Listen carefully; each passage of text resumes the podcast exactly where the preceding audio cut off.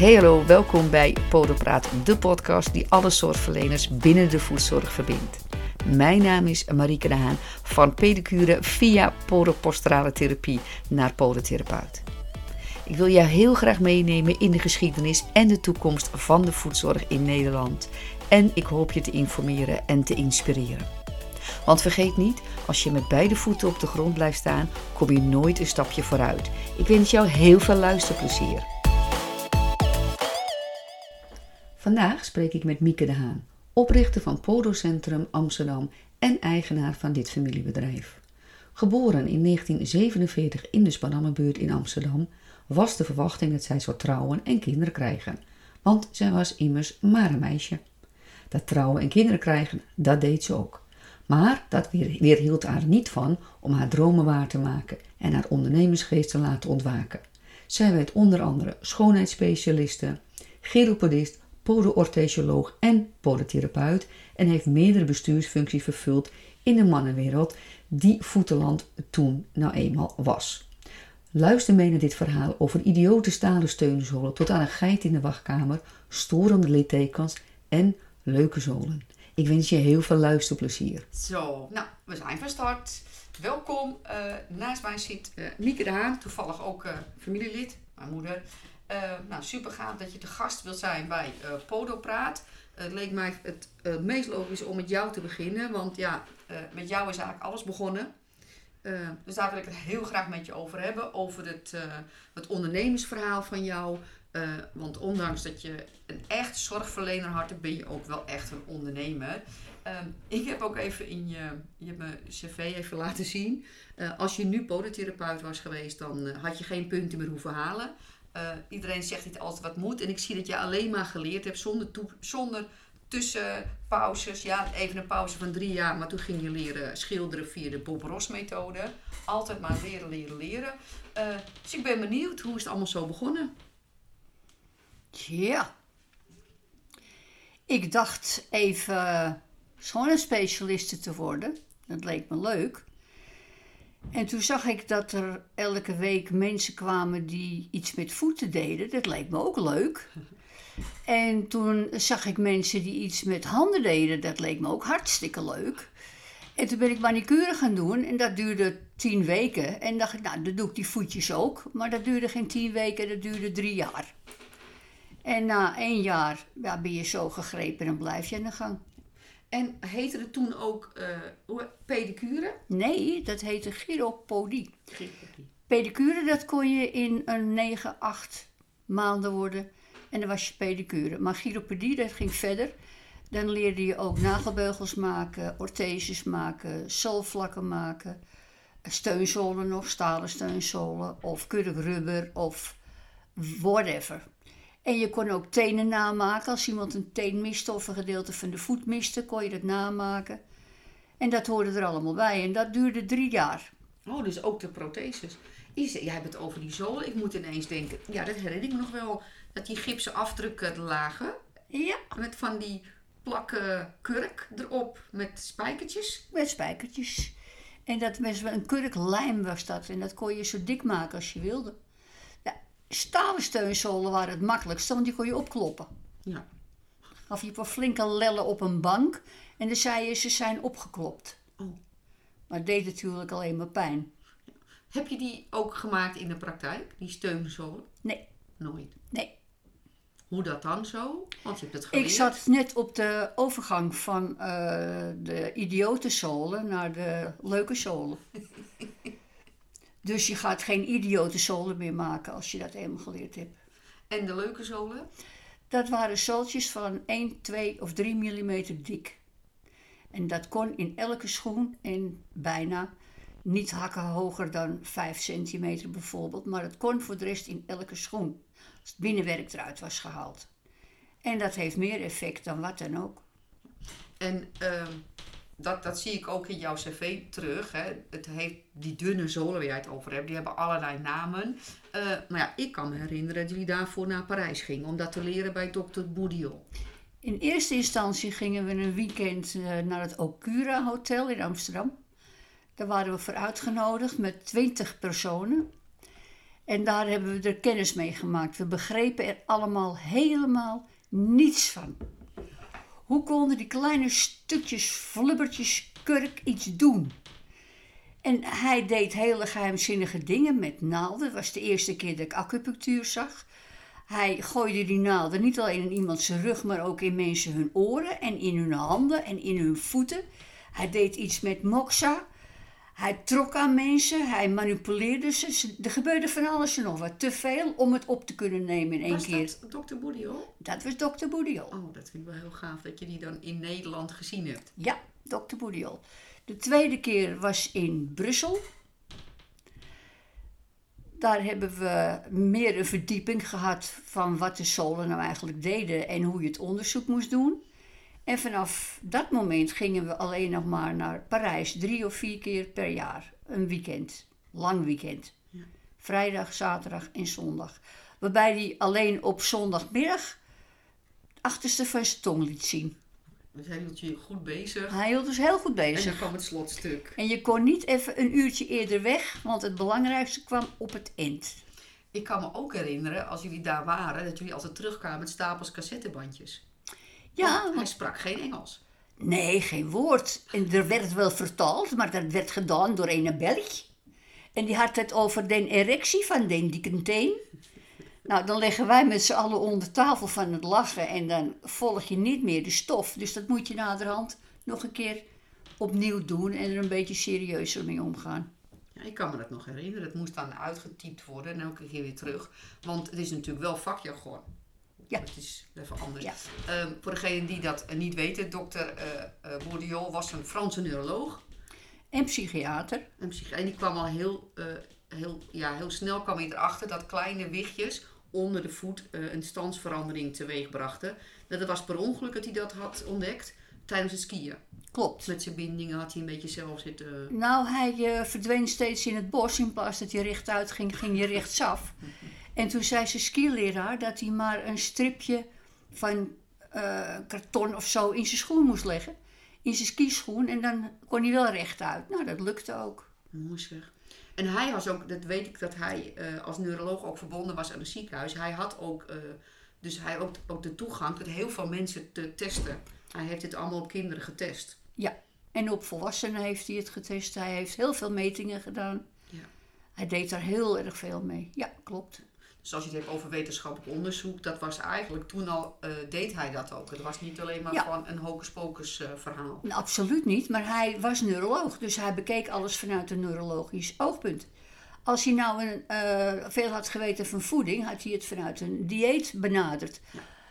Als het een andere specialist was geweest, had hij het vanuit die kant benaderd. Hij benaderde het alleen vanuit de neurologie. Nou, en ja, bij ons waren ze nog niet zo ver met de neurologie.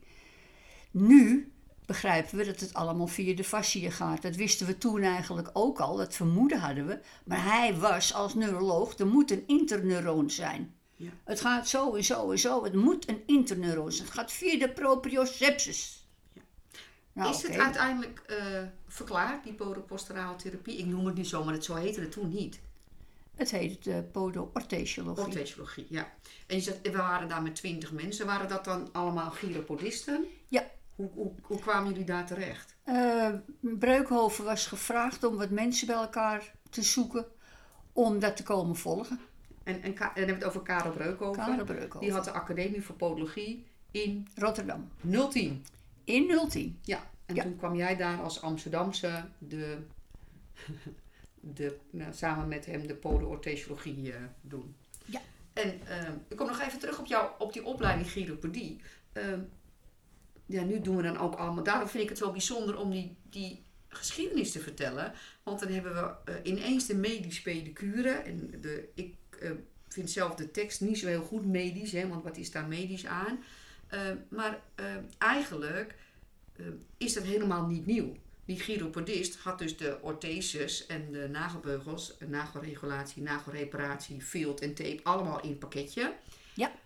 Plastersoten, ja, maar jij noemde nog wat anders, inderdaad de plaster zo. Maar jij noemde latex, ook vuljex. de prothese, noemde Ja, jij. ortheses, protheses. Ja, En die protheses, dat is eigenlijk nooit meer teruggekomen. helaas niet. En er is ook niemand die dat heeft overgenomen. Dat is heel jammer. Jij hebt het dan over, eh, even voor de duidelijkheid, dat iemand een amputatie heeft ondergaan. Er is een teen, mis aan de teen. Nou, dan gaan die andere vier tenen altijd feestje vieren. Hè. Dat gaat dan in de war, zeg maar. En die mensen missen dat ook echt. Dus daar maakte jij dit week nog zo goed een afdruk, CR37, aan de andere voet. Ja. Dan had je een Dat kon je gieten. negatief en die maakte dan met gips een positief. En dat kon je met latex dompelen of vuljex. En dan kon je dat, als het hard was, omkeren, binnenstebuiten ke- keren. En dan had je weer Die teen. die, die teen die je nodig had. Dus eigenlijk wat een uh, tandtechnieker doet. Ja, een we gebruikten ook hetzelfde. Ja. CR37 om het te mengen. De- het modelgips om het uit te laten harden. Deden, dat deden we ook, ja. Nou, dat lijkt mij wel heel intensief werk. Maar wel het mooiste, maar dat, dat, dat zijn gewoon schitterende dingen. Stel je nou toch eens voor dat je een gedeelte van je voorvoet mist en je moet schoenen kopen. Ja, zo'n ramp. Hoe moet je dan lopen? Ja. Nou, daar hadden wij dan eh, allerlei middelen voor om dat op te kunnen lossen. We deden ook ontzettend veel met plastersoten, maar niet het plastersoten wat zo flubberig en dun is. Maar je hebt allerlei hardheden en die kan je in een oven kan je die verwarmen en modelleren. Nou, wat je wil. Ja, dat is wel heel mooi. Dus jij kon dan echt wel eh, ook creativiteit daarin kwijt. Want dat, daar had ik het nou eh, laatst nog over met iemand. Dat je eigenlijk in dit vak ook op alle kanten op kan. Je Ja. kan heel technisch worden. Je kan een, alleen maar ondernemer zijn. Of alleen maar ondernemer zijn dat je alleen maar eh, ja, eh, mensen neerzet ergens. Of je kan het zelf doen. En dan bijvoorbeeld dit soort eh, dingen gaan doen. Ja. Nou zeg jij, ja, ik moet er eens eventjes lachen, hoor, even tussendoor. Dat zeg je van, ja, ik deed met veel met plastersoten. Maar jij hebt volgens mij ook wel eens een nepborst gemaakt. Een paar. Ja, dat Ja. weet ik nog wel. Ja, die mevrouw die stond scheef en ik kreeg hem maar niet recht. Dat bekken dat bleef scheef staan, schouders bleven scheef staan. Nou bleek ze een borstamputatie gehad te hebben. En dan wordt er een kunstborst ingedaan in de BH. En die was zo gigantisch zwaar. Dat mens bleef met de schouder naar beneden. Dus toen heb ik eh, van plasterzoten inderdaad en van Vuljex en latex heb ik eh, een borst gemaakt. Ja, want ik weet dat zij haar oude borst eh, achtergelaten had. Ja. En eh, toen in Amsterdam-Noord had ik in de Van de Pekstraat op een gegeven moment de praktijk. En die oude borst, die lag daar waar wij wel eens kwamen eten tussen de middag. En ik werd altijd heel misselijk van die borst die er lag. Dat is een heel zwaar, looiig ding. Ja, we hebben het over de 80 jaar of zo. Ja, maar dat mens was er zo gelukkig mee. Die ging dat vertellen tegen iedereen. En dan komt ze in het ziekenhuis en dan laat ze zien hoe kwiek en vrolijk ze nu is. Doordat ze geen pijn in de rug meer heeft omdat ze een passende borst had. Dan komen er nog meer mensen naar je toe. Maar ik was niet van plan om alleen maar borsten te gaan maken.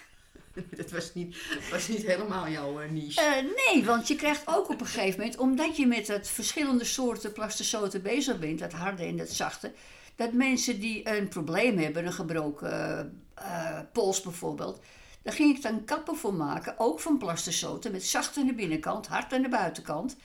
En die konden dan gewoon voetballen zonder dat ze bang hoefden te zijn. Maar als eentje het heeft gehad, krijg je er ook weer meer. Ja, dat is met alles. Ja, Ja, maar dat was niet de bedoeling. nee, Dus dat was erg moeilijk om dat af te houden. Ja. Dat, dat geloof ik. En die eh eh podoorthesiologie, dat zijn jullie gaan doen. Maar uiteindelijk, en dat, dat bedenk ik me nu, kwam die podoorthesiologie, eh, die, kwam, die werd op een gegeven moment vergoed. En nou, misschien moeten we nog meer terug. Misschien moeten we wel eventjes vertellen het verhaal van Tros Actua. Dat is natuurlijk ook hilarisch. Ja, Ja, dat, het was een andere tijd. hè. We, we hebben het niet over internet en mobiele telefoons. Ehm Aad Bogaert uit Alkmaar, Ja. die kwam, eh, die zat ook bij die 20 mensen dan denk ik. die zat ook bij die 20 mensen. Die had ook eh, onderricht gehad van dokter Boeriol zelf. Ja. En jullie horen hoe, met hoeveel respect ik dat vertel. Want ik vind het echt een hele bijzondere man natuurlijk. Eh, die heeft ook les gehad. En eh ja, Aad Bogaert kreeg dus de kans om op televisie te komen en te laten zien wat hij kon. En ik, ik vergeet het nooit meer, want er stond iemand op die spiegel en die stond heel scheef. Eh, misschien wel de redacteur zelf of zo. Het was echt iemand van de televisie. Het was niet een patiënt. Nee, degene, de reporter, degene Ja, die die vragen stelde, ja, die Ja. stond erop. En ik weet dat hij even zo'n beetje aan die, en dan trok je aan die, aan die pinken, even mobiliseren, en keek naar schouders. Het, dat holistische waar iedereen nu dan over roept, dat was al lang. Het was echt van top tot teen. En daar werd ook wat mee gedaan. Hij ging zolen maken en die man was acuut van zijn rugpijn af. Ja. Nou, toen gebeurde het. Ja, dat werd uitgezonden. Het was een uitzending van drie minuten. En toen kregen we, ik geloof, iets van eh 80.000 brieven.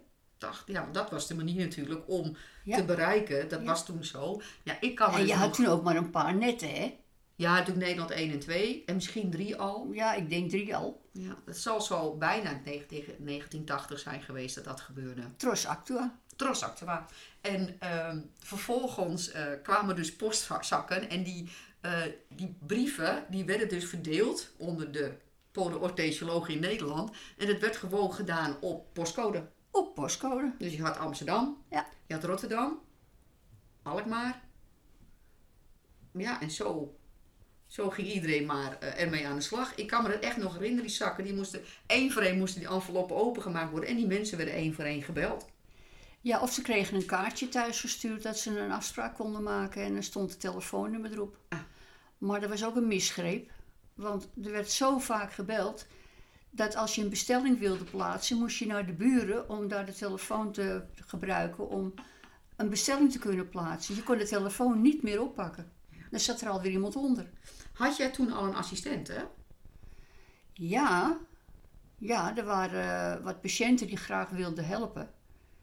En ik kan niet meer op die mevrouw de naam komen, maar ik had een vaste, Ja, dat weet ik. Een hele lieve. heel lieve vrouw. Ja, die paste er goed bij. Ja, ik, ik zou het ook niet weten, want we noemden er ook echt mevrouw. Ja, dat Dat was een hele andere tijd. Was Ja, ook een dat was waar, ja. En toen hebben we assistentes genomen. Ja, Saskia Pals daar begon het mee. Ja. en toen Anita. Ja. Ja, en het was een, eh, een, een... Maar zo is het niet begonnen, hè? Want je bent begonnen in de Lodewijk Driefstraat. Ja, we zijn eerst begonnen om het in Nederland proberen een beetje op zijn poten te zetten. Om te kijken wat er nou eigenlijk gebeurde en wat ben je nou aan het doen. Wat is het doel? Hoe doe je het onderzoek? En toen hadden we een groepje met eh, eh, artsen die daar ook geweest waren. Die hadden de manipulaties geleerd. Wij hadden de zolen geleerd. Hun de rest. En dan gingen we met elkaar proberen uit te vissen van hoe je dat moest doen. En die studiegroepjes, ja, die waren het leukst. Want daar had je de meeste houvast aan. Wat je wel en wat je niet moest doen. Ja. Ja, want als je natuurlijk bij zo'n eh, ja, zo'n driedaagse bent, is het vooral ontvangen. Maar dan nog niet in de praktijk brengen. Interpreteren, dat eh, werd eventjes lastig. En het eh, implementeren werd helemaal een probleem. Ja. Dus daar hadden we even tijd voor nodig. En dat hebben we gedaan door bij elkaar te komen regelmatig. En dat, die studiegroepjes op te richten. En daarvoor waren we verhuisd naar Amsterdam-Noord.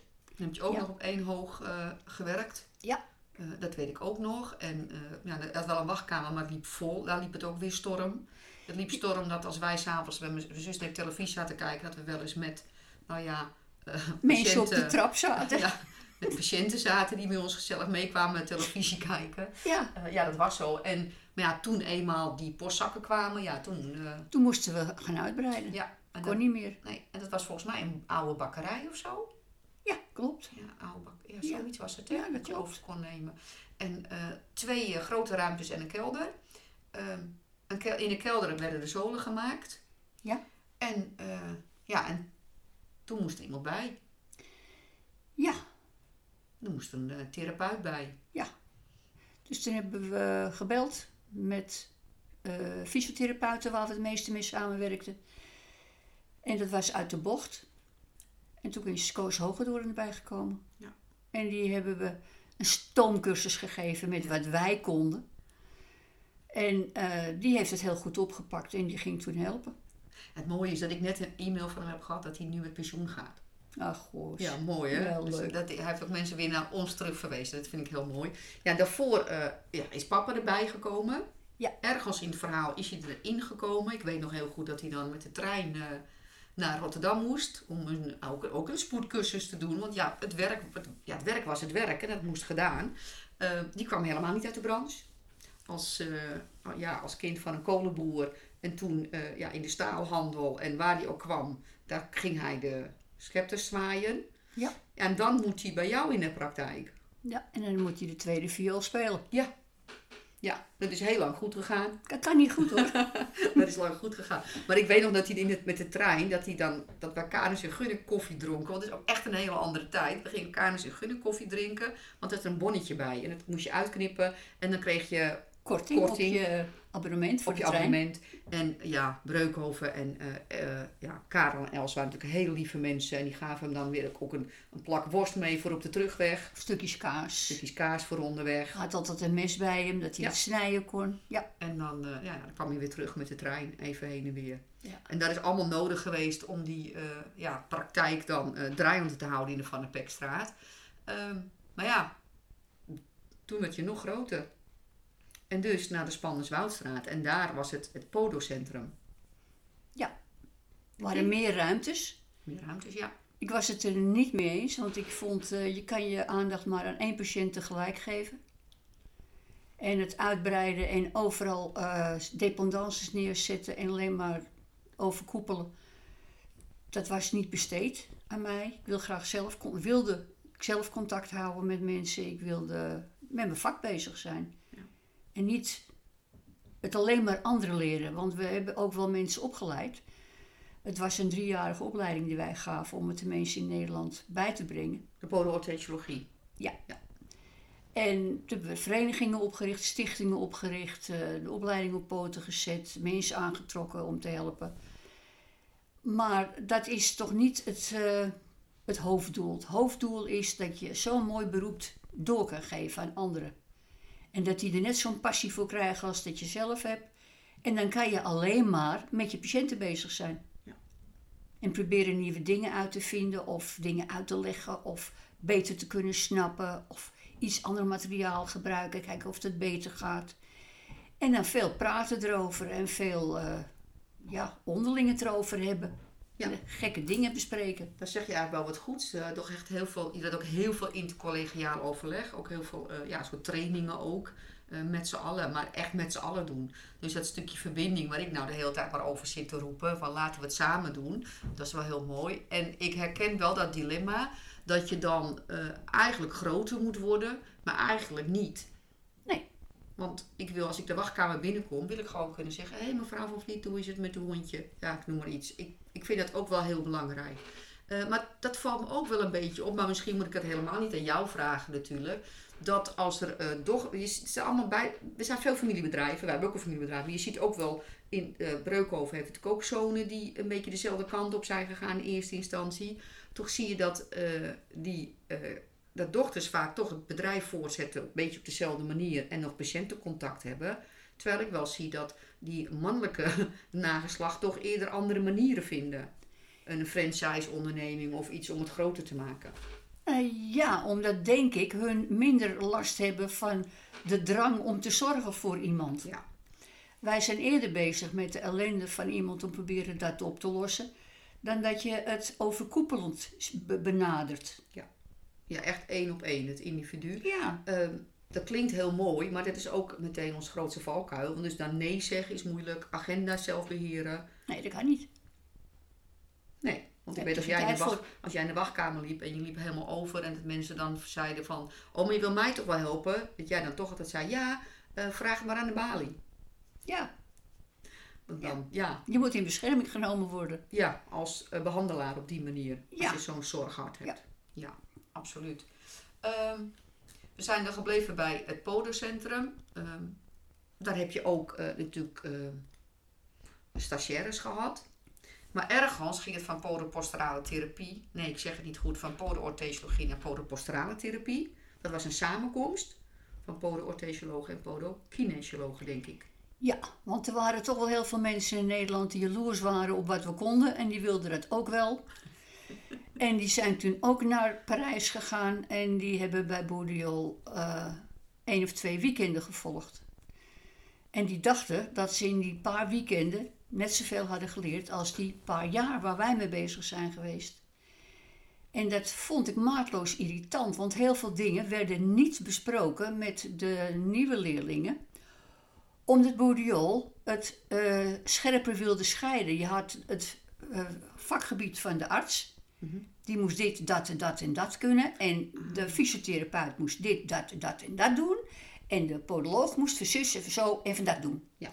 En dat wilde niet apart houden. Maar we hebben hier in Nederland een hele andere hiërarchie. Ja. We kijken niet zo heel hemelhoog op tegen artsen of adoreren de fysiotherapeuten. Nee. Bij ons weet iedereen het beter. Ja. En iedereen doet hetzelfde best. Of je nou de werkster bent of je bent de professor. Ja. Iedereen weet, weet het beter. En in Nederland ging dat dus niet. Dus we moesten op een of andere manier eh, die mensen zien bij te scholen. Want die hebben veel dingen niet gedoseerd gekregen van Bouriol. Bijvoorbeeld het eerste ribsyndroom. Ja. Een typisch voorbeeld. Heb je het nooit met die mensen over gehad. En dat is nou net iets wat ontzettend veel impact kan hebben op iemands leven. Het is een, eh, een hoogstand van één schouder, waardoor de, een zenuw wordt afgekneld en je de gekste dingen kan hebben. Pijn in je maag, pijn in je buik, eh zweetaanvallen, trillen, hoofdpijn. De gekste dingen kan je ervan hebben. Hartkloppingen. Bijvoorbeeld. Hyperventileren. Grappig dat je dit, dat je dit zegt. Nou, ik weet niet of het grappig is, maar dan, eh, heel veel mensen die met mindful bezig zijn. dus ook in een van de podcasts heb ik het ook voorbij zien komen. Van ja, let op op de nervus vagus. Dat is Dat een inklemming van de nervus vagus, Ja. dat klopt. En het legt hem uit welk takje wordt ingeklemd, wat er dan met de mensen gebeurt. En in 80% van de gevallen is het simpel op te lossen. Of door het zooltje, of een manipulatie, of een combinatie tussen die manipulatie en het zooltje, of door een oefening. Maar je kan er wat mee. En je moet het in ieder geval proberen. En zodra de mensen ontdekken dat jij begrijpt waar ze het over hebben, nou, dan begint het al met een verschrikkelijke uitbarsting. Ze gaan huilen, ze gaan beven. Er gebeurt voor alles nog wat mensen. Want eindelijk iemand die begrijpt waar, waar ze het over hebben. Nou, als iemand nou dat één keer zelf heeft meegemaakt. Die is daar beter door geworden, door zolen, door het behandelen. En die vertelt het tegen een ander. En die gaat naar zo'n nieuwe leerling vanuit Parijs. Die verwacht dan ook dat te krijgen. Maar die krijgt het niet. Dat is echt zonde, want daar heb je eigenlijk ook wel een beetje recht op natuurlijk. Om die beste zorg te hebben. Precies. Ja. Dus toen eh, zijn we samengegaan met die groep podokinesiologen en de podoorthesiologen. En dus dat werden dan de podoposturaaltherapeuten. Ja. En die mensen hebben, eerlijk is eerlijk, allemaal een jaar lang bijscholing gehad. Mooi. En dat deden ze prima. Ja, mooi. deden ze echt prima. Mooi. Uiteindelijk is dat... eh, Helemaal goed gekomen. Ja, is het goed gekomen. Hele goede collega's Ja, gehad. Want Ja. over het eerste ribsyndroom, je kunt hem eh, ook eh, vinden. Ik heb later hem opgezocht. Eh, het is ook wetenschappelijk artikelen aan besteed. Ja, ja, ja, ja. Thoracic outlet syndroom noemen ze dan op zijn Engels. Dit zijn dus mensen die denken dat ze een hartaanval hebben of hyperventilatie als stempel krijgen. Klopt. Die, ja, die worden heel erg beperkt. Dus dat is wel heel mooi als je dat op zo'n makkelijke manier kunt helpen. Ehm, die holistische aanpak, want ik heb even in je cv gekeken, dat is echt niet normaal. Eh, dat gaat heel ver, hè? Eh, puntverbindingstechniek, eh, acupunctuur, Acupressuur. acupressuur, moxa, dus die Ja, branden op elkaars. Ja. Ehm, je hebt ook nog iets gedaan met die testen. De testen van Nochet. Nochet was een, een collega van Bourdiol. Alleen eh Bourdiol die woonde in Parijs en Nochet woonde in het zuiden van Frankrijk. En Nochet was de herontdekker van de ooracupunctuur. Ah. Er was eh, een eh, kruidenvrouwtje daar. En die behandelde veel patiënten die last van hun rug hadden, die een hernia hadden of wat dan ook. En die nam dan een brandend stokje en stak dat op een bepaald punt door iemand zijn oor heen. En ja, dan moet je wel erg veel pijn hebben, wil je dat goed vinden. maar dan waren ze van hun rugpijn af. En hij kreeg wel eens mensen uit de omgeving met zo'n gaatje in hun oor. En is daar achteraan gegaan om te onderzoeken wat dat nou was geweest. En toen was het een herontdekking van de ooracupunctuur. Het komt dus niet uit China, het komt uit Frankrijk. Ja, die, eh, En vanuit Frankrijk is het weer naar China gebracht. En daar is het ook weer verder ontwikkeld en andere punten bijgekomen. En die ooracupunctuur, auricolo, is natuurlijk heel belangrijk. Daar hebben ze ook door allerlei testen ontdekt dat als je iemands pols vasthoudt en je voelt naar de stroom die er in de pols zit, dan kan je eh, voelen of hij stopt, of dat hij harder gaat slaan, of dat hij bijna wegvalt. En dat verschil wil zeggen van er is ergens een storend litteken, er zit ergens een focus, er is een haard, er zit een probleem, er zit een ontsteking, er zit iets verkeerd. En dan moet je zoeken. En het litteken, dat de littekenbehandeling heb je ook gedaan. Litteken Ja, dat hebben we gedaan. zelfs nog even met de doppler gedaan, weet je nog? Ja. Dat we even de doppler eh, erop zetten, dan hoor je gewoon een hele goede hartslag. En op het moment dat de behandelaar het litteken aanraakt, stopt hij even. Ja, dus, ja, klopt. ook Dat noem je de pols van Ja. Noché. Ja, Ja. mooi. Ehm, ja, ik vind, ik vind dat heel mooi. Maar dan heb je het echt over een holistische aanpak. Uiteindelijk eh, ging het dan vergoed worden, die therapie. Ja. Ja, dan hebben we het wel, ja, dat zal dan ook wel in de jaren negentig zijn geweest. Alleen, toen viel het al heel snel onder de alternatieve geneeswijzen. Natuurlijk. Natuurlijk. Het kwam allemaal uit Duitsland. Herdokter Vol die, eh, had een apparaat waarmee je allerlei eh, medicamenten kon testen. En eh Herr Pieteling maakte dat apparaat. En ja, hier in Nederland zijn ze daar niet zo gek mee. En toen kwam de Moira, dat is dat alles trilt. En dat elke trilling bij je hoort of niet bij je hoort. Je kan een trilling nodig hebben en dan word je beter. Of je kan een trilling krijgen die slecht voor je is en dan word je ziek. Als je bijvoorbeeld te dicht bij stroom in de buurt slaapt of leeft of woont. eh, zoals nu bekend is met die stralen. Wat die nu bekend is. ja, precies. Maar dat was toen nog allemaal niet natuurlijk. En dan, eh, ja, wat, wat de boer niet kent, dat vreet hij niet, hè? Ja, dat is natuurlijk wel zo. Maar ja, ergens, het is, eh, ik kan me voorstellen dat het voor jou eh, spijtig is of zo. Van, ja, dit is toen niet eh, geloofd. Aan de andere kant, er moet ergens natuurlijk zo'n begin zijn. Iemand moet hem eerst dat voorzetje geven, omdat uiteindelijk, nou ja, dat het gemeengoed wordt. Ehm, eh, toen, kan ik me ook nog herinneren, hebben jij en ik in de auto gezeten. En dan gingen we van plek naar plek naar goede collega's. Want die gingen ineens podotherapeut worden. Wat was dat voor avontuur? Ja, Eerst dat- ben jij zelf podotherapeut geworden. ja de want Bob anders... heb jij gedaan. Die ik heb de Bob gedaan. podotherapie.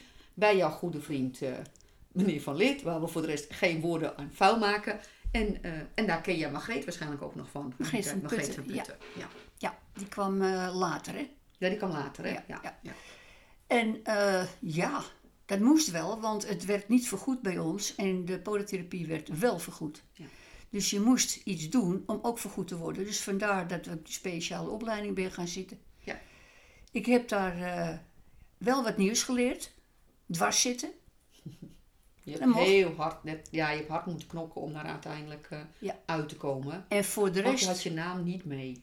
Nee. En eh, ik had Breukhoven achter me staan. En die schijnt daar met veel trammeland te zijn weggegaan. Dat weet ik allemaal niet. Daar had ik niks mee te maken. Maar het straalde wel op mij af. Ja. En eh, ik mocht vroeger met mijn opleiding alleen maar op een bepaalde manier zitten en mijn spulletjes rangschikken. Maar als podotherapeut mag je dwars zitten van de voeten. Je mag eronder, je mag erover. Ja. Dat is het verschil geweest. Voor de rest heb ik niets bijgeleerd. Dat is wel zo mooi, want het, ik weet nog wel dat het ook echt een discussie was van... hé, hey, wij zijn chiropedist en podopastoraal therapeut, dus eigenlijk... of toen podotechnoloog, dus eigenlijk heb ik, heb ik genoeg in mijn rugzak om podotherapeut te zijn. En toen ging het echt puur om de term. Ik weet ook nog wel, en dit is echt heel grappig... dat wij gingen zoeken in de, in de Dikke Vandalen... Daar stond dus podotherapie in. Weet je nog wat de omschrijving was? Ja, podoorthesioloog. Met Slash veredelde pedicure. Ja. Dat stond er toen in. Nou ja, ik ben zelf podotherapeut, dus ik mag er ook mee lachen. Maar ja, dat vond ik wel echt hilarisch. Veredelde pedicure. Edelde Ja, pedicure. dat weet ik nog. Eh, uiteindelijk heb je het daar gehaald. Ja. Ging in de trein. eh Miep Kastenie, wat zat er ook bij? Die zat er ook bij, ja. Miep. Alleen, Ines. eh, Ines zat erbij. Ines zat erbij. Ellen Goslau. En Ellen Goslau zat er ook in. Ja. Ja, ja klopt. Ja. Ja. Dus allemaal, eh, nou ja, mensen die later ook eh, echt de, het polytherapie vak zijn uit gaan dragen. Ja. Eh, natuurlijk wel opvallend dat heel veel van de collega's er ook niet meer zijn.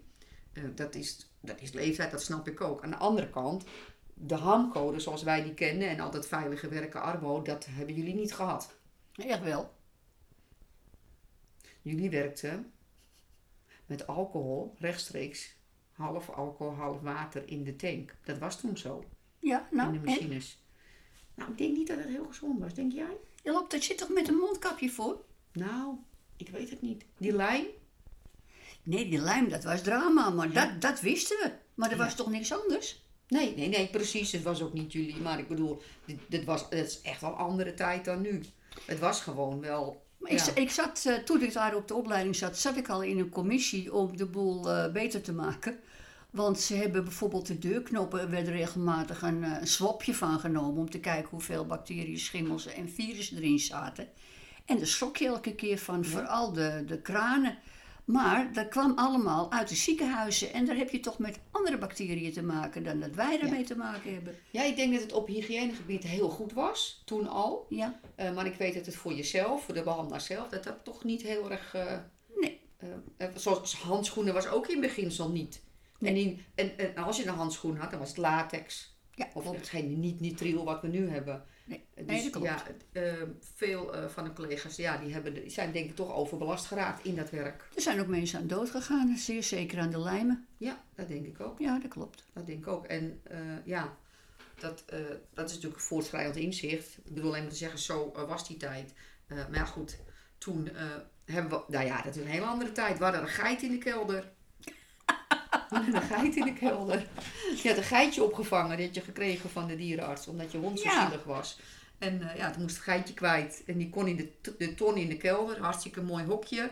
Alleen het geitje werd groter. Ja, het sprong het hokje en rende de trap op. En liep dus in de wachtkamer, want dat kon toen nog in een eh, praktijk. Eh, nou ja, dat was de aanzet om te gaan verhuizen natuurlijk. Ja. En eh, ja, daar was het Nou, toen hadden we een ene haast. Toen hadden we een ene haas, want dat geitje moest natuurlijk naar de nieuwe woning. Ja, mooi hè. Ehm, nou, je hoort natuurlijk van Gien en mij nog wel eens van wat er gebeurt hè, in, eh in Voeteland. Ehm, ja, hoe zie je de toekomst voor jou? Van eh, het Voeteland, hoe, hoe, ja, wat is er eigenlijk nodig? Minder regels. Ja. Minder, ehm, zoals ze het de fysiotherapeut hebben gedaan, langzaam de nek omdraaien. Ja. Dit mag niet, dat mag niet. En dat moet eh, rode vlag en een groene vlag en een blauwe vlag. In plaats dat je met mensen bezig bent, ben je met schrijven bezig.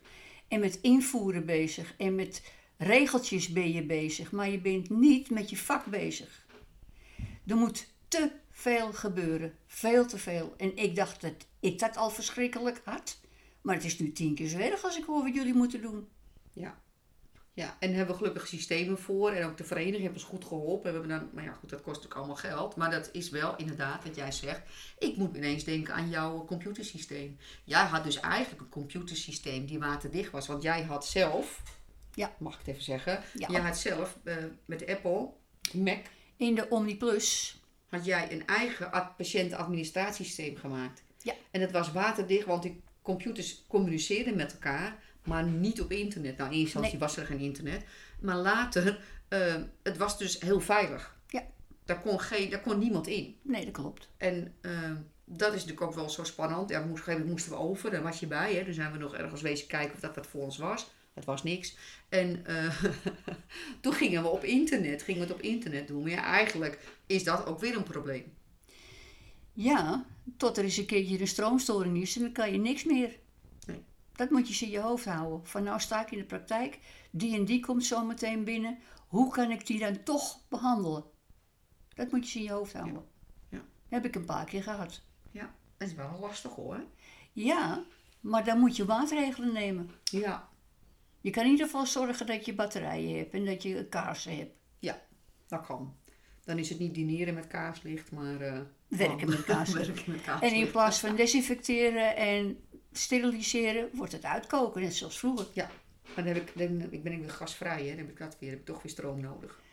Eh, kan je niet even een pannetje buiten zetten op straat met- met een kacheltje met eronder? Met dit weer wel. ja, ehm, dat, dat, dat is natuurlijk zo. Hè, dat, we, dat je daar, eh, dat wil ik wel gezegd hebben, dat jij toch wel steeds probeerde om pionier te zijn daarin. Eh, vooral met je Mac. Jij liep altijd voorop als het ging om computer. Ja. Ik weet nog heel goed dat jij de eerste Texas Instruments had. Ja. Dat is een heel bijzonder ding. Daar snapten wij als kinderen geen reet van, maar mijn moeder snapte het gelukkig wel. Het programmeren. Ja, en toen de, de Macs en eh, de app, ja, de, de, Mac OS had je toch? De Mac OS had je. En eh, ja, nu is Apple dan helemaal hot. Dus dat vind ik dan altijd wel heel grappig. Dan denk ik, oh ja, dat, jij hebt dat altijd al gedaan. Maar ja, toen werden ze natuurlijk gestolen. Ja. Heb ik een inbraak gehad. Of natuurlijk, ja, we hebben twee keer een inbraak gehad. De eerste keer hebben ze alleen die van de balie weggetrokken. En de week erop eh, hebben ze, zijn ze de Kwamen rest ze halen. de rest halen. Kwamen ze de rest halen. En dat is het be- begin van, de, ja, van het internet-tijdperk. Dat alles op internet ging. Al het hele patiëntensysteem. Dan leek dat online. veiliger. Ze konden er toch niet in, ze konden er niet bij, want ik had alle bestanden beveiligd. Ja. Dus ze hebben die eh, Mac helemaal schoon moeten maken. Nou ja, er zijn manieren voor om hem terug naar de instellingen te zetten, fabrieksinstellingen. Maar dat was alles straf ook. Ja. Dus dat was wel gewoon veilig. Maar ja, dan, dan, als dat nog een keer gebeurt, Ja. dan maar over, eh, over het net. Maar ja, Dus toen gingen we met de laptops. Ja. Met de laptops aan de slag. Dus dat was eigenlijk wel jammer, want dat was eigenlijk het einde van jouw eh, programma. Eh, minder regelgeving. Of nou, ja, dat zei je, hè, minder regelgeving, dat denk ik ook. Ehm, ja, en ik heb natuurlijk eigenlijk een hoger doel. Ik zou het wel heel mooi vinden als dat iedereen met elkaar kan samenwerken. Maar als ik jou zo hoor, is het eigenlijk altijd wel een rode draad geweest. Dat eh, iedereen denkt dat hij het zelf gewoon beter doet dan een ander. En dan niet elkaar iets gunt of bij elkaar in de keuken kijkt. Ja, en dat vind ik het meest belachelijke wat er is. Want als je ergens bent, is het nou, ik heb het druk hoor. Dan zegt een ander, ach, moet je mijn agenda zien, jongen. Kan over een half jaar kunnen ze bij me terecht. En dan krijg je die week daarna die agenda onder je ogen. Is het helemaal niet zo druk? Waarom zeg je dat nou? Zo belangrijk is het toch niet? Daar gaat het toch niet om? Het gaat er toch om dat je tegen elkaar vertelt van ik heb dat en dat binnengekregen. Toen heb ik zus en zo geprobeerd en toen was dat en dat de uitkomst. Heb jij misschien nog aanvulling? Kan je daar iets mee? Nou, dat heb ik in het begin ook veel gedaan. Dat als eh, collega's of studenten mensen hadden en die hadden problemen, dat ik eh, vragen ging stellen. Heb je dat gemeten? Heb je dat gemeten? Wat is de uitslag hiervan, de uitslag daarvan? Heb je daar naar gekeken? Kijk daar eens naar. En op die manier iemand via de telefoon te helpen. Ja. Nou, dat zou eigenlijk in het leven geroepen moeten worden. Ja. Dat je een soort vraagbaak krijgt. Van ik heb nou een patiënt en van dit en van dat en ik weet niet wat ik ermee moet. Dat je dan vragen stellen. Heb je daar naar gekeken? Heb je daar naar gekeken? Meet dat eens na en test dat eens. En dat je dan samen eruit komt wat je eventueel zou kunnen doen. Ja, je zegt een beetje coach van de rol. Ja, ik weet niet hoe lang het is hoor, voor jou, hoe lang je gewerkt hebt. Ja, lang. Ehm, is het dan zo dat je dan nog verrast wordt als je 10, 20 of 30 jaar in het vak zit? altijd. Dacht ik al dat je het ging Ja, zeggen. altijd. Komt altijd dingen tegen en denk, nou, nou, daar begrijp ik helemaal niks van. Begrijp ik echt helemaal niks van. Heb jij niet eens een keer iemand gehad met lepra? Ja. Ik heb het niet hoor. Je hebt het niet opgelopen. Nee, maar ik heb er wel al die jaren aan gedacht. Ik moet er ineens aan denken, omdat je zegt verrassing. Dat was toen een verrassing. Ja, dat herken je toch niet? Dat verwacht je toch niet? Ik kreeg het doorgestuurd van iemand in een bejaardentehuis. Daar was een meneer opgenomen. En die kwam uit het buitenland. Die kon ook geen Engels. Die zat alleen maar een beetje te brabbelen en naar zijn voeten te wijzen. En de arts van het huis, die stuurt die man naar mij, want ik moest wat aan dat eel doen eronder. En ik pak die man zijn voeten vast. En ik ga snijden. En je weet niet wat eronder vandaan komt. Het is echt, het is walgelijk. Stukken teen weg, nagels weg. Het, het stonk, het was...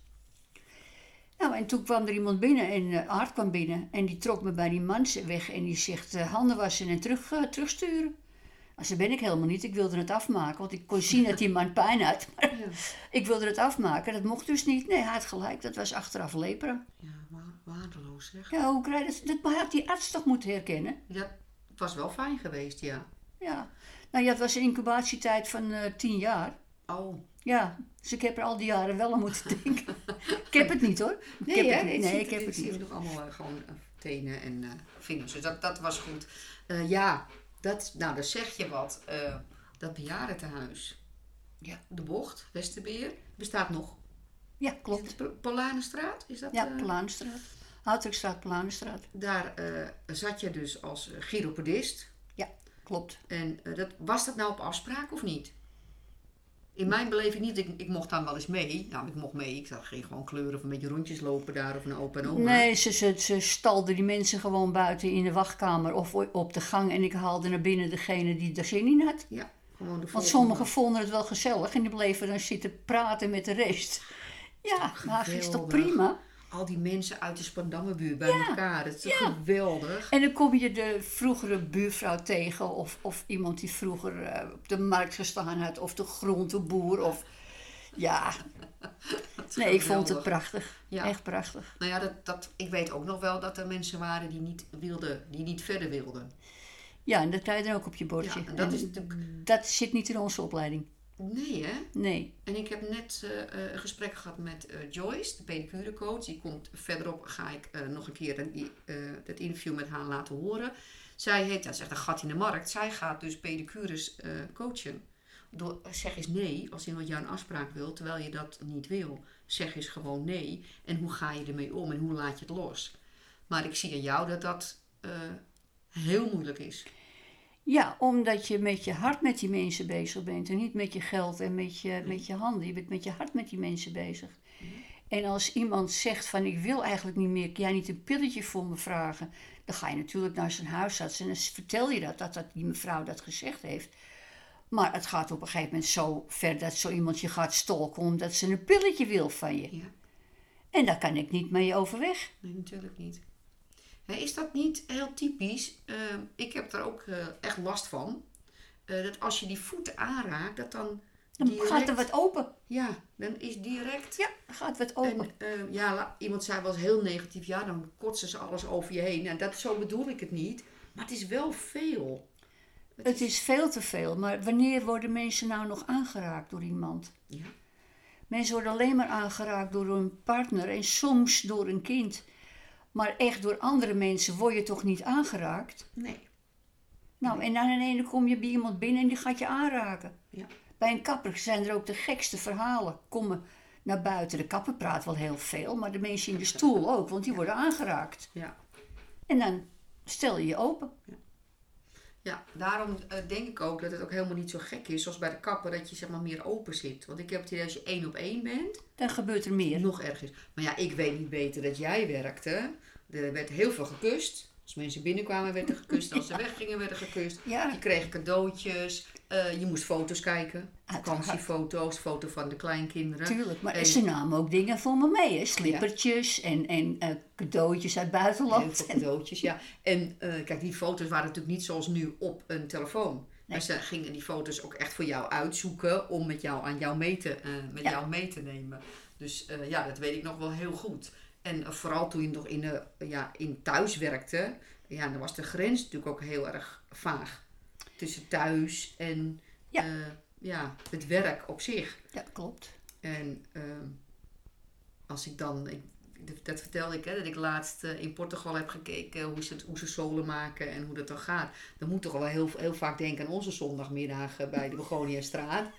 Want ja, die, dat, dat was niet, er was geen gestanst leer met een maat. Natuurlijk niet, dat Dus moet je hadden- zelf knippen. We hadden, dat moest je zelf knippen. We hadden dus leer ja, van het, eh, Tuighals, maar dan dun. ja, dat ging, en dan moest, dat gingen we op aftekenen. Ja, en jullie gingen aftekenen dat, het, dat we niet alles eh, opmaakten en dan maar. Zo zuinig mogelijk eruit halen. Ja, zo zuinig mogelijk knippen. Eh, elementen waren totaal niet voorgestanst. Tuurlijk niet. En ik weet dat ik stage ging lopen. Want in 2006 ben ik dan podopostrale therapie gaan doen. Toen mocht ik stage lopen bij een collega die ook podoloog was. Ik had dat, dat was voor mij dus een shock. Er waren dus kant-en-klare mix en kant-en-klare retors, SHTB's. Ja, maar daar waren Maar we dat tegen. helemaal niet. Dat Want bestond. niet iedereen zijn voet is hetzelfde. Bij de een zit dat botje op dat plekje en bij een ander zit hij een millimeter verder. Ja. En die millimeter is belangrijk. Ja, en dat zit er bij ons nog heel erg in. Wij doen nu natuurlijk Ja. wel de solo laten modelleren, maar, eh, nog, eh, of laten frezen moet ik zeggen. Maar het modelleren, dus waar het elementje moet en hoe groot het elementje moet en hoe hoog, dat bepalen bij ons nog altijd de behandelaar zelf. Ja. Want ik heb de voet gezien, dus ik weet eh, wat ik ermee moet. Ehm, in dat werk hè, eh, waren natuurlijk dingen waar je wat energie kostte. Wat kostte jou nou de meeste energie? Het trekken aan andere mensen om ze mee te krijgen. Ja. Als je iets nieuws wilde, of eh, laten we dit proberen of laten we dat proberen, om iedereen te, te enthousiasmeren om dat te gaan doen, dat kostte zoveel inspanning. En het, over sommige projecten heb ik wel een jaar gedaan, die, die normaal in een maand klaar hadden kunnen zijn.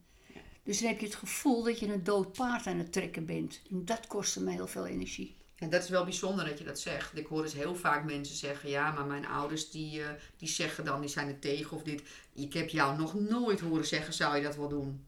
Natuurlijk niet doen. Gewoon doen. Een mogelijkheid is een mogelijkheid. Een kans is een kans. En op je snuffert ga je toch. Nou, en als je het niet doet, ook goed. Ja, nou ja, precies. En als je valt, pakken we je op. Maar er zijn dus dat weet jij misschien niet. De meeste mensen hebben belemmerende gedachten die je beperken. Die zeggen, ja, maar als ik dat dan ga doen, dus een beetje de veiligheid opzoeken, eh, dat heb jij niet gedaan. Nee. Waarom zou ik? Wat kan je gebeuren? Ja, wat kan je gebeuren? Ze kunnen me geen arm afhakken. Nee, dat is niet het probleem. Nee, Nee, daarom.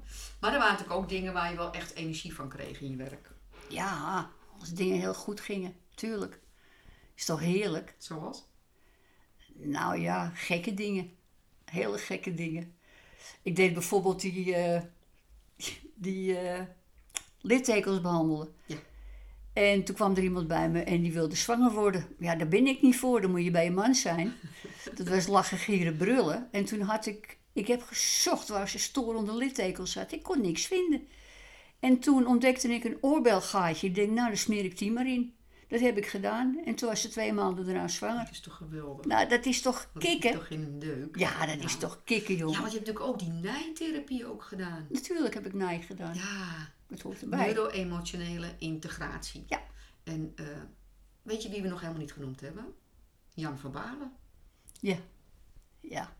Maar ja, die speelt nog steeds een rol. Die is er nog steeds natuurlijk, ja. Ja, dat is wel sneu. We hebben heel veel mensen genoemd die er ook niet meer zijn natuurlijk. Ja, nee, Maar Jan is er nog. Jan van Balen, nou ja, de meeste kennen zijn boeken denk ik wel. Van de, In ieder geval zijn posters. ja, van de voetreflexologie, zijn Ja. boeken, zijn posters.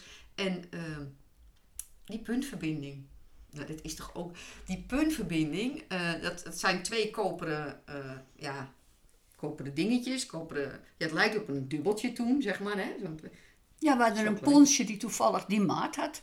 Oh, dat En was een gewoon pons- een holpijpje Een zo. holpijpje. En met dat ponsje ponsten we dan die, die, die rondjes Koperen. eruit. De rondjes, dat werd geplakt aan de ene kant en dat werd verbonden, dat, dat soldeerde jij zelf, met een draadje, dus echt een, een elektriciteitsdraadje was het, Ja. naar het andere Ponsje. du- dubbeltje van koper. En die twee punten werden dan verbonden. Ja. En eh, ja, dat is echt hilarisch, want ik weet nog wel dat ik naar Burger moest op de Hagendorenweg.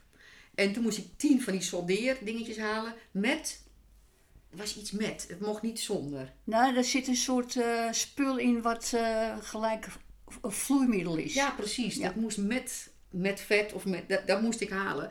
En dan geloofden ze me weer niet. En dan gingen ze naar huis bellen. Ja. Want dan geloofden ze Wat- niet dat ik dat moest hebben. Wat moet u daar dan mee? Ja, wat gaat jou dat nou aan? Geef dat nou maar gewoon mee. Ik deed die boodschappen natuurlijk graag. Net als die keer dat ik naar Blok moest op de Hagedornweg. En ik moest 150 kerstkaarten kopen. Want jij ging natuurlijk al je patiënten een kerstkaart sturen. Ja, dat hoorde toch? Ja, nou, grappig hè? Dat, ik dacht zo. Maar die puntverbinding, dat was ook echt magisch gewoon. Ja. Eh, en we hebben dat, dat Is het zelf nog, getest. Is ja, het nog, hè? we hebben dat zelfs getest op dieren. Ja. En Jan Verbalen heeft toen ook eh, dekentjes gemaakt voor honden en voor paarden. En de grap is, nu bestaat dat gewoon allemaal als therapiedekens. En worden die echt voor honderden, of misschien soms wel voor 3000 euro verkocht. Verkocht, klopt. Maar dat, dat, dat heb je allemaal gezien. Dus Ja. Dat, ja, die hoort er wel bij. Het Ja, Jan- puntverbindingsverhaal. Ja, hoort erbij. Echt, Jan hoort erbij. Maar het gekke was, de collega's die zagen dat wij... We hebben het natuurlijk uitgelegd aan de collega's en verteld hoe en laten zien hoe het werkte. En die gingen het natuurlijk ook doen, hartstikke leuk. Maar die dachten dat we ook iets met kleurentherapie deden.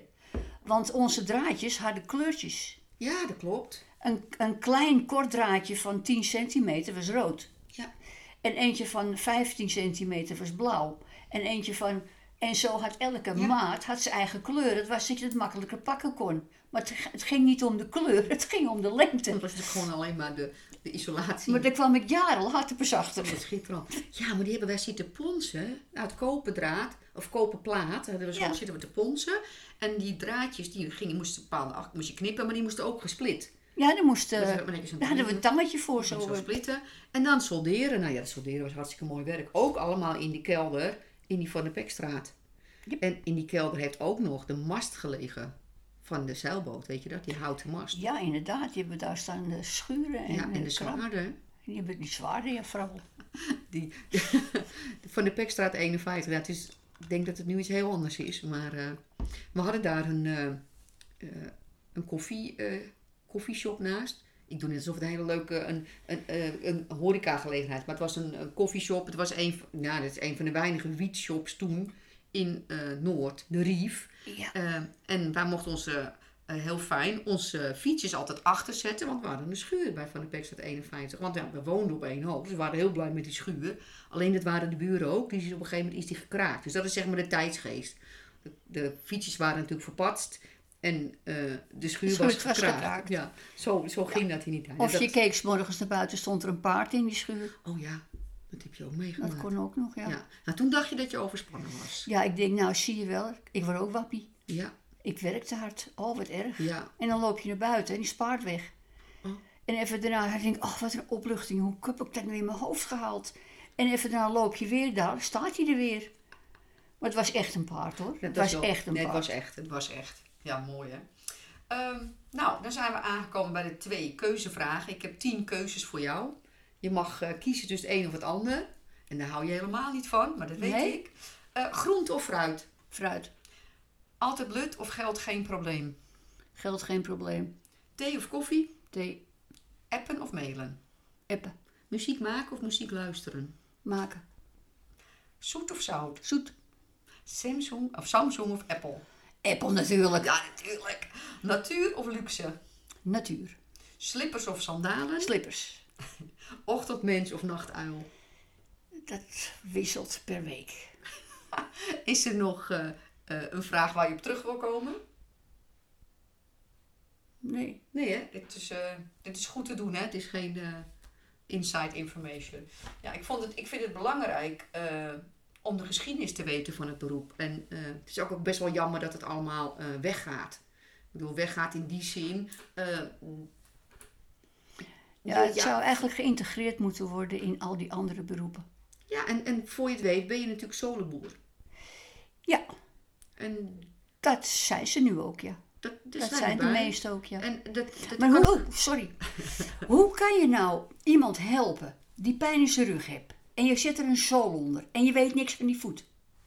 Ja, Dat kan niet. nee. Als je nou iemand bij je binnenkrijgt en die zegt ik heb zo'n last van die grote teen. Nou, dan gooi ik er een zool onder. Nee, je gaat naar die teen kijken. En dan blijkt dat er een schimmel in die nagel zit. Ja, maar daar kan je dus geen pijn van hebben. Het is maar een schimmelinfectie. Nou, echt wel. Daar kan je wel pijn van hebben. En als je daar wat aan gaat doen en dat behandelt, heb je die zool helemaal niet nodig. Maar dan zijn die mensen misschien al een jaar lang aan het modderen op die zolen. Niemand die ooit naar die schimmelnagel kijkt. Ze infecteren de hele familie. Het hele huis ligt vol met schimmel. Doe daar wat aan. Let op wat je doet. Ja. ja, dat is natuurlijk. Maar je zegt natuurlijk ook heel goed, je hebt het nu over de rug. Eh, en ik weet dat heel veel beroepen zeggen, ja, we kijken ook naar de schouder en de rug. Dat geloof ik ook, dat ze Ja, naar kijken. Ze kijken wel, maar ze doen niks. Ja, maar dat is natuurlijk wel heel bijzonder. Eh, en ik wil helemaal niemand afvallen, maar ik vind het wel jammer dat als mensen aan één kant een, vo- een voetklacht hebben, dat ze heel vaak links en rechts dezelfde zool krijgen. En het gaat er natuurlijk vanaf, ja, bij mij niet in. Ik ben met paplepel ingegoten. Een eenzijdige voetklacht is een houdingsklacht. Ja, klopt. Kan niet anders. Klopt. En eh, ja, dat is, dat is natuurlijk wel echt een gemis. Groot gemis. Ja, en dat is natuurlijk wat de podoposturaaltherapie zo bijzonder eh, maakte. En met name ook dat die zool zo laag is. Maar de grap is, ik ben net klaar dus met de beweeg- en oefentherapie voor de podotherapeut. Hè, dus de, Ja. de post-HBO bij KIPS. Dat we daar al heel erg bezig waren met... En wat nou als we geen zool maken? En wat nou als we die voet laten oefenen? En wat nou als we dat mobiliseren? Oefenen is grandioos erbij. Als we romprotatie groter maken. Perfect. Ja, dus dat is wel echt heel mooi. Ja, Dat, maar dan ook alles doen, hè? Ja. En als je dan bovenop ziet dat er geen romprotatie is omdat er ergens een litteken is, kijk dan naar het litteken. Ja. Voel dan aan die pols of dat litteken stoort, ja of nee. Anders kan je wel werken tot je een ons weegt. Als je daar niks aan doet, dan blijft alles hetzelfde. ja. We hebben dan echt wel een hele mooie les gehad. Het is eh, Feet in Motion hadden we gehad. En dat is echt over alleen maar het lopen. En in duizend stukjes verdeeld. Dat je al die bewegingen van het lopen moet, zou moeten kunnen maken. Symmetrisch. Eh, ja, er, er is nog veel te doen. Eh, nou ja, goed. Als je niks weet van littekens zou je in elk geval wel door kunnen sturen. Want er zijn wel mensen die littekens behandelen. Oh jee, zoveel. Dus dat is ook eh, echt wel prima.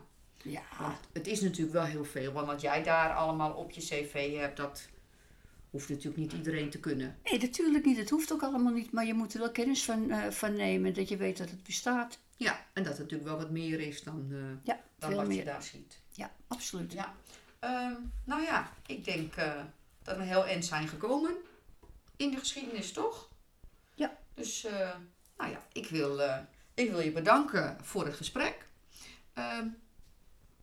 De, de toekomst is vooral natuurlijk dat we wat verbinding willen met z'n allen. Ehm, maar er zijn ook wel heel veel mensen die wel heel goed werk doen met de voet aan zich. Uh, maar dan kom ik op het volgende, want daar heb jij zo'n probleem mee. Geld verdienen met dit werk. Ja, is toch te gek voor woorden. Je hebt het mooiste beroep van de hele wereld. Ja. En dan krijg je er nog geld voor ook. Mooi hè? Ja. Je gezegend of niet? Ja, natuurlijk. Het is toch prachtig? Ja. Maar het hoeft niet zoveel te zijn. Nee? Als je je spullen maar kan kopen en dat je ervan kan leven. Je hebt toch geen tijd om met vakantie te gaan? Nee. Als iedereen vertelt hoe goed je bent, dan zit je zo vol. Ja. Eh, maar dat hoeft dan ook niet aan jou zo te kijken. Nee, waarom? Gewoon dat je je werk kan doen. Ja. En dat je kan pakken wat je nodig hebt voor die mensen. Ja, dat je voldoende tools hebt. Absoluut. Dank je wel. Oké, graag gedaan. En zo zijn we aan het einde gekomen van deze aflevering van Podopraat, de podcast die probeert ondernemers en zorgverleners binnen de voedzorg met elkaar te verbinden. Op naar een mooier voetenland. Wil je graag abonneren omdat je nieuwsgierig bent geworden en graag de podcast wil volgen? Druk dan op subscribe of abonneer in jouw podcast-app. Natuurlijk vind ik het ook super fijn als je een review wilt achterlaten. Doe dat vooral in de podcast-app. Wil je een inzicht met me delen? Heb je vragen of suggesties? Je kunt me vinden via LinkedIn. Mijn naam is Marieke de Haan. En anders via e-mail podopraat.gmail.com.